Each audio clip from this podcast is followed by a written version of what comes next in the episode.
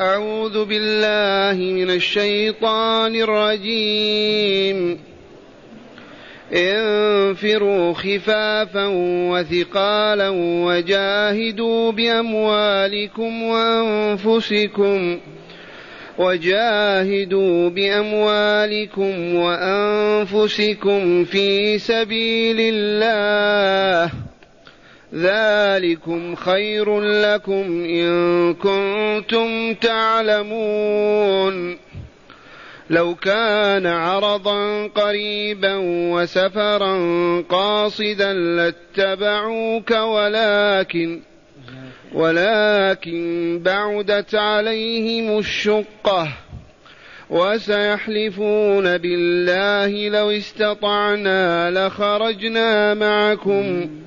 يهلكون أنفسهم والله يعلم إنهم لكاذبون. عفى الله عنك. عفى الله عنك لما أذنت لهم حتى يتبين لك الذين صدقوا. عفى الله عنك لما أذنت لهم حتى يتبين لك الذين صدقوا وتعلم الكاذبين. معاشر المستمعين والمستمعات من المؤمنين والمؤمنات قول ربنا جل ذكره انفروا خفافا وثقالا الآية. أعيد إلى أذهانكم أن هذه الآيات نزلت في أحداث غزوة الروم أو تبوك وقد تقدم الأمر بالنفير العام والتعبئة الكاملة في الآيات السابقة. وها هو ذا تعالى يقول لهم انفروا أيها المؤمنون خفافا وثقالا اخرجوا من المدينة تحملون سلاحكم لقتال الروم. الذين عزموا على قتالكم. انفروا خفافا وثقالا. الخفيف ذاك الذي لا يتحمل مسؤوليات ولا تبعات. والثقيل الذي له أزواج وأولاد وزراعة وأعمال. فالأمر عام لكل المؤمنين. سواء منهم الخفيف والثقيل. الواجد للمال وغير الواجد له. الواجد للطعام وغير الواجد له. انفروا حال كونكم خفافا وثقالا وجاهدوا بأموالكم وأنفسكم في سبيل الله. الجهاد هنا كما علمنا قتال الروم. اذهبوا إليهم إلى ديارهم بالشام وقاتلوهم. والجهاد بذل الجهد والطاقة وما, في وما عند العبد من ساعة. بالمال أولا والنفس ثانيا. ولكن هذا الجهاد غايته علته سببه هدفه أن يكون في سبيل الله. أي من أجل أن يعبد الله عز وجل وحده في الأرض. لا شرك ولا كفر. ويتبع ذلك ما ينتشر من العدل والرحمة والآداب والأخلاق بين الناس. فسبيل الله الطريق الموصل إلى رضاه. وإذا وصلت إلى رضا الله كنت في الجنة دار السلام. هذا أمر الله عز وجل بالتعبئة العامة انفروا خفافا وثقالا وجاهدوا لأنكم تخرجون معنا ثم تتخلون عن الجهاد وتفرون. انفروا خفافا وثقالا وجاهدوا بأموالكم وأنفسكم في سبيل الله. ثم قال تعالى ذلكم الذي علمتم خير لكم إن كنتم تعلمون. أي جهادكم العام بأموالكم وأنفسكم خير لكم. دنيا وأخرى. في الدنيا تنتصروا وتسودوا وتحكموا وتطيب وتطهر وفي الآخرة تنزلون منازل الأبرار والشهداء. فهذا خير إن كنتم تعلمون ذلك. حثهم رغبهم أمرهم ورغبهم في الجهاد. ذلكم المطلوب منكم وهو الجهاد في سبيل الله بأموالكم وأنفسكم خير لكم دنيا وأخرى. أي خير من تركه. إذا تركتموه ما عبد الله ولا انتشرت دعوته ولا امكن لكم حتى أن تعبدوا الله أنتم. إذا تسلط الكفار وحكموا وسادوا.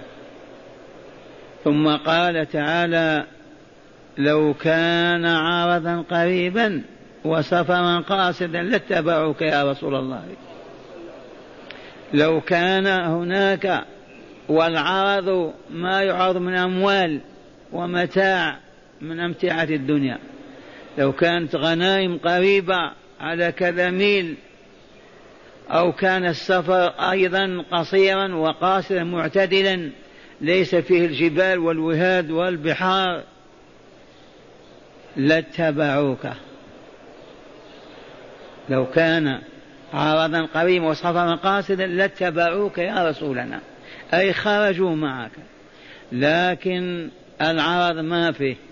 لا غنيمة ولا مال في الطريق ولا عند الروم. ثانيا الطريق ما هو قاصد ما هو معتدل بعيد. من المدينة إلى بلاد الشام كم؟ وجبال الأودية. هكذا يخبر تعالى رسوله صلى الله عليه وسلم وهم يسمعون. لو كان عرضا قريبا وسفرا قاصدا لاتبعوك بل يسبقونك يمشون أمامك. ولكن بعدت عليهم الشقة. الشقة الطريق الذي يشق سلوكه ويتعب صاحبه ألا وهو البعيد. الشقة الطريق الذي فيه مشقة لبعده أو لانحرافه أو لما فيه من الموانع. ولكن بعدت عليهم الشقة وسيحلفون بالله لو استطعنا لخرجنا معكم. هذا نوع من المنافقين وضعافة الإيمان. لا تتصور أبا بكر أو عمر من هذا النوع أو الأنصار. لكن المنافقون وضعفة الإيمان. يقول تعالى لرسوله صلى الله عليه وسلم لو كان عارضا قريبا وسفرا قاصدا لاتبعوك ولكن بعدت عليهم الشقة. ما استطاعوا.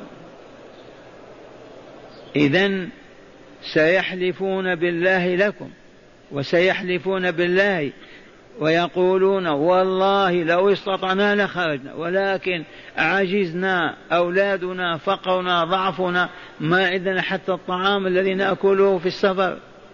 إذا لنا بالبقاء. لو استطعنا لخرجنا معكم قال تعالى يهلكون أنفسهم. أولا بالكذب المخالف للواقع ثانيا بالنفاق ثالثا بترك رسول الله والمؤمنين وحدهم. ذي كلها مهلكات لهم. فانتصار الرسول خير لهم من هزيمة وانكساره.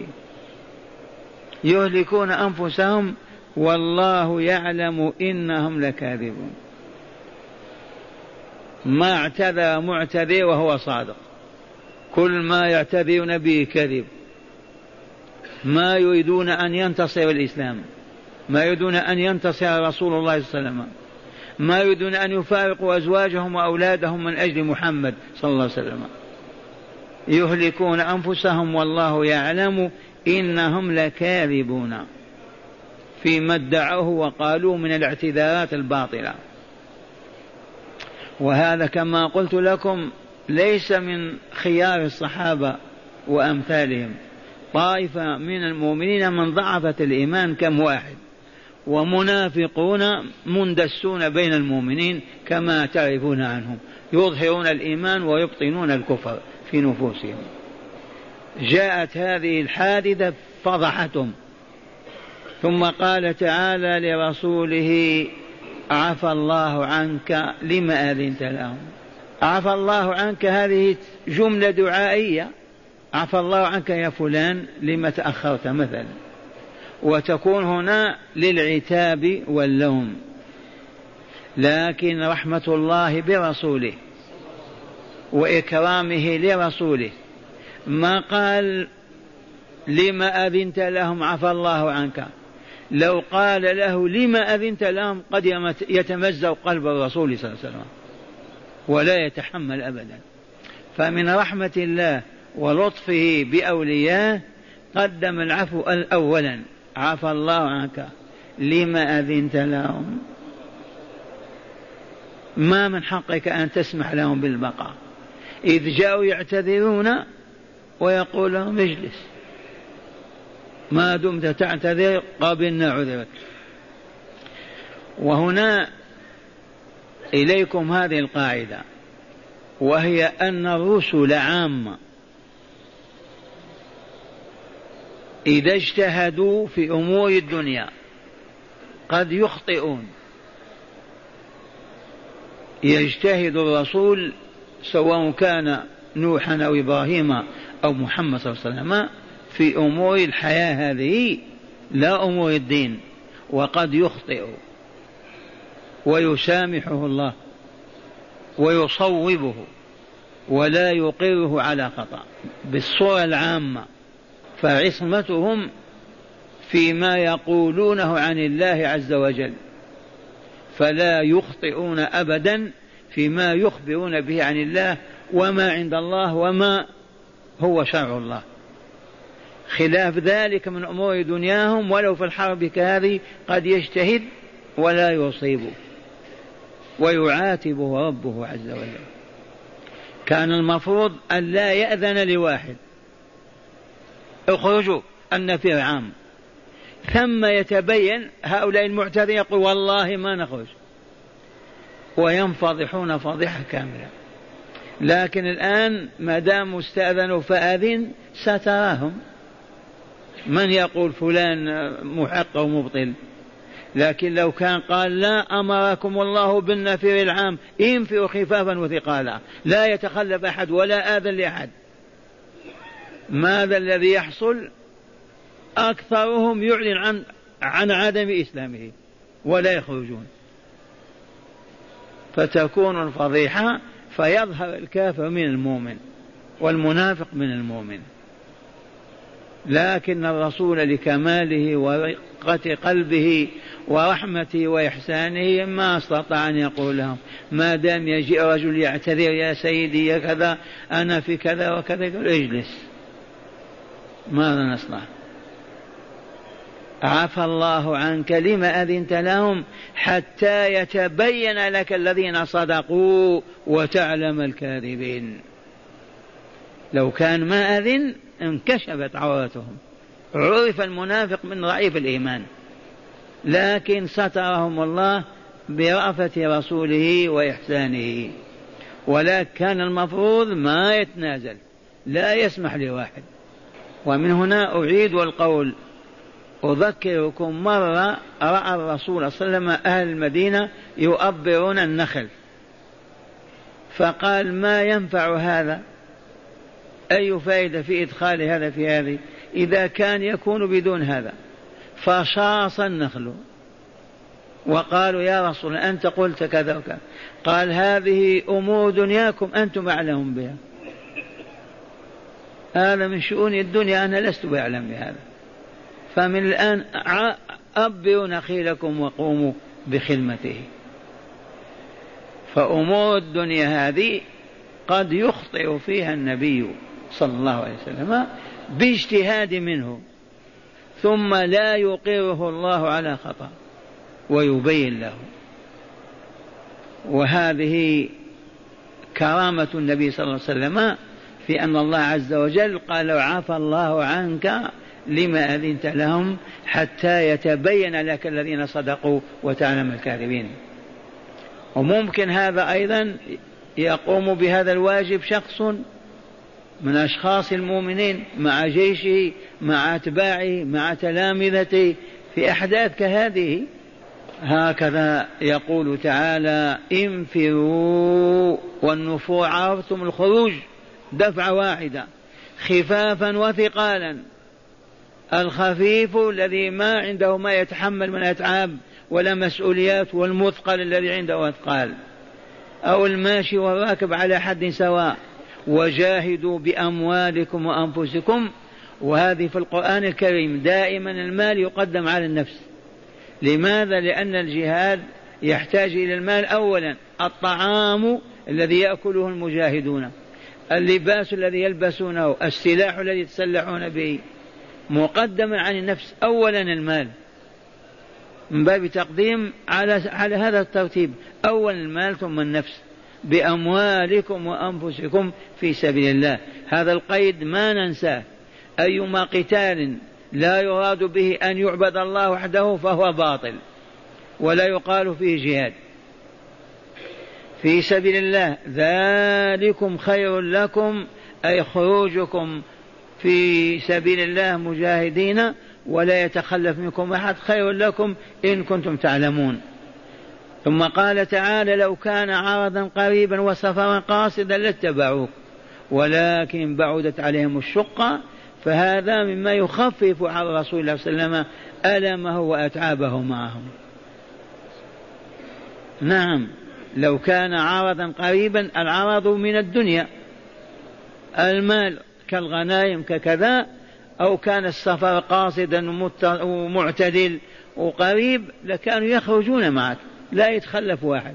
لكن ما دام لا مال لا غنائم ولا أموال والطريق شاق وبعيد فلهذا اعتذروا وتخلفوا. ولكن بعدت عليهم الشقة. ثانيا وسيحلفون بالله لو استطعنا لخرجنا معكم. وكانوا يحلفون. يحلفون بالله ما نستطيع أن نخرج. ثم إذا رجعتم إليهم أيضا سيحلفون بالله لو استطعنا لخرجنا معكم. وبالفعل حلفوا. واعتذروا. ومنهم من لم يجئ إلى رسول الله صلى الله عليه وسلم ولم يطلعوا على حاله. حتى عادوا من تبوك جاءوا يعتذرون. والله يعلم إنهم لكاذبون. الله خالقهم وغارز غرائزهم وطابع طباعهم. يعلم ما يقولون. يعلم إنهم لكاذبون. ثم قال لرسوله عفى الله عنك. لما أذنت لهم حتى يتبين لك الذين صدقوا وتعلم الكاذبين. مصلحة دفاعية تخفف آلام الرسول لو فعل. لو قال لا لا أقبل عذر أحد. كانوا ينفضحون فلان وفلان وفلان ما خرجوا. فيعرفهم المؤمنون وأنهم منافقون أو كافرون. عفى الله عنك. هذه اللطيفة ما ننساها نستعملها فيما بيننا. إذا أردت أن تقول لأخيك لما تأخرت قل له عفى الله عنك لما تأخرت. لا سيما إذا كان يخافك. إذا قلت لما تأخرت يفزع يقول الآن يسلبني رأس مالي وإلى راتبي. فلهذا يؤتسى برسول الله صلى الله عليه وسلم في هذا. عفى الله عنك لما أذنت لهم؟ إلى أن يتبين لك الذين صدقوا وتعلم الكاذبين. ثم هنا قال حتى يتبين لك الذين صدقوا بخلاف وتعلم الكاذبين. فالذين صدقوا هم أشراف المؤمنين وساداتهم ولكن الكاذبين والعياذ بالله هم شرهم وأخسهم. وتعلم الكاذبين. إليكم الآيات مرة ثانية في الكتاب. يقول ما زال السياق في الحث على الخروج إلى قتال الروم بالشام. ففي هذه الآيات يأمر تعالى المؤمنين بالخروج إلى الجهاد على أي حال كان الخروج من قوة وضعف. فليخرج الشاب القوي والكبير الفاجر والك... نعم. فليخرج الشاب القوي كالكبير العاجز الضعيف والغني كالفقير. الكل يخرجون. فقال تعالى انفروا خفافا وثقالا وجاهدوا بأموالكم وأنفسكم. جاهدوا أعداء الله الكافرين به وبرسوله إلى متى؟ حتى يدخلوا في الإسلام أو يعطوا الجزية ويقبلوا أحكام الإسلام. وهذا تقرر عندنا نغزو الكفار. نبدأ اولا بعرض الإسلام. ما قبلوا نطالب بأن يخضعوا لحكمنا وندخل بلادهم. رفضوا الثالث القتال. فالقصد من الجهاد إدخالهم في رحمة الله. فإن أبوا فليسمحوا لنا أن نعلم أفرادهم ونساءهم ورجالهم الإسلام على أن يعطوا جزية رمز على أنهم راضون بحكمنا ونحكمهم بالعدل والرحمة. فلهذا قال أعداء الله الكافرين به وبرسوله حتى يدخلوا في الإسلام أو يعطوا الجزية ويقبلوا أحكام الإسلام بينهم. ذلكم خير لكم إن كنتم تعلمون. أي نفوركم خروجكم للجهاد وقتالكم الكافرين إلى الانتهاء بهم إلى إحدى الغايتين. ما الغايتان؟ الإسلام أو إعطاء الجزية والدخول في حكم الله. إلى إحدى الغايتين خير لكم من الخلود إلى الأرض والرضا بالحياة الدنيا وهي متاع قليل إن كنتم تعلمون ذلك. وقوله تعالى لو كان عرضا قريبا وسفرا قاصدا لاتبعوك ولكن بعدت عليهم الشقة يقول تعالى لرسوله صلى الله عليه وسلم لو كان أولئك المتخلفون عن الجهاد من المنافقين ومن ضعفة الإيمان قد دعوتهم إلى عرض قريب أي غنيمة حاضرة أو إلى سفر سهل قاصد معتدل لاتبعوك وخرجوا معك. ولكن دعوتهم إلى تبوك. وفي زمن الحر والحاجة فبعدت عليهم الشقة فانتحلوا الأعذار إليك وتخلفوا. وقوله تعالى وسيحلفون بالله أي لكم قائلين لو استطعنا أي الخروج لخرجنا معكم. قال تعالى يهلكون أنفسهم حيث يحلفون حيث يجلسون لها يجلبون لها سخط الله وغضبه والعياذ بالله. والله يعلم إنهم لكاذبون. في كل ما اعتذروا به هذا ما دلت عليه الآيتان الأولى والثانية وأما الآية الثالثة فقد تضمنت عتاب الله تعالى. لمن؟ لنبيه صلى الله عليه وسلم حيث أذن لمن طلب منه التخلف عن النفور والنهوض إلى تبوك. وكان من السياسة الرشيدة عدم الإذن لأحد حتى يتميز بذلك الصادق من الكاذب. عفى الله عنك لما أذنت لهم حتى يتبين لك الآية. الصادق من الكاذب. ثم لما أذنت لهم تعجيلا للمسر لهم. قال تعالى عفى الله عنك أي تجاوز عنك ولم يؤاخذك. وقدم هذا اللفظ على العتاب الذي تضمنته الآية. ثم لما أذنت لهم لما قدمه تعجيلا للمسرة. والفرح للنبي صلى الله عليه وسلم. إذ لو أخر عن لو أخر عن جملة العتاب لأوجد خوفا وحزنا في قلب النبي صلى الله عليه وسلم. وقوله تعالى حتى يتبين لك الذين صدقوا وتعلم الكاذبين علة للعتاب عن الإذن للمتخلفين المنافقين بالتخلف عن الخروج إلى تبوك. والآن هيا نستنبط هداية الآيات. أولا إذا أعلن الإمام من الإمام؟ الحاكم.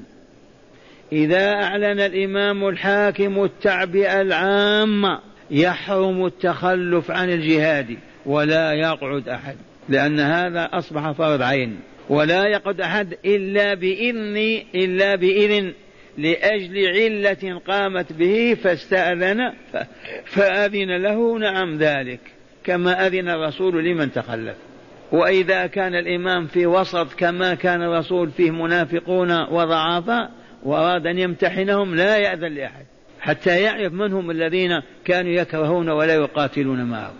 قال أولا إذا أعلن الإمام التعبئة العامة يحرم التخلف عن الجهاد ولو ولا يقعد أحد إلا بإذن لأجل علة قامت به فاستأذن فأذن له.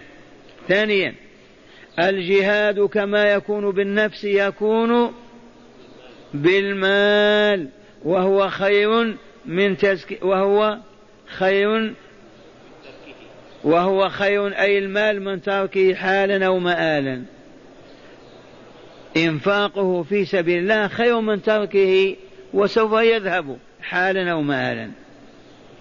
ثالثا الأيمان الكاذبة لإبطال حق أو إحقاق باطل توجب سخط الله تعالى وعذابه. يحلفون بالله لصادق وهم كاذبون. الأيمان جمع يمين الحلف الكاذبة لإبطال حق أو إحقاق باطل توجب ماذا؟ سخط الله تعالى وعذابه. رابعا مشروعية العتاب للمحب. منين أخذنا هذا؟ مأذون لك أن تعاتب من تحب. مشروع. الله عاتب رسوله صلى الله عليه وسلم. مشروعية العتاب للمحب. وإذا استعملت أيضا أسلوب الله عز وجل أفضل. عفى الله عنكم لماذا فعلتم كذا؟ خامسا جواز مخالفة الأولى على النبي صلى الله عليه وسلم لعدم علمه ما لم يعلمه الله تعالى. من أين أخذنا هذا؟ جوزنا أنه يجتهد في أمور غير الدين ثبت وقد يصيب وقد يخطئ وإذا أخطأ معذور لأنه بذل جهده في أن ينصر الحق لكن ما أصاب معفو عنه.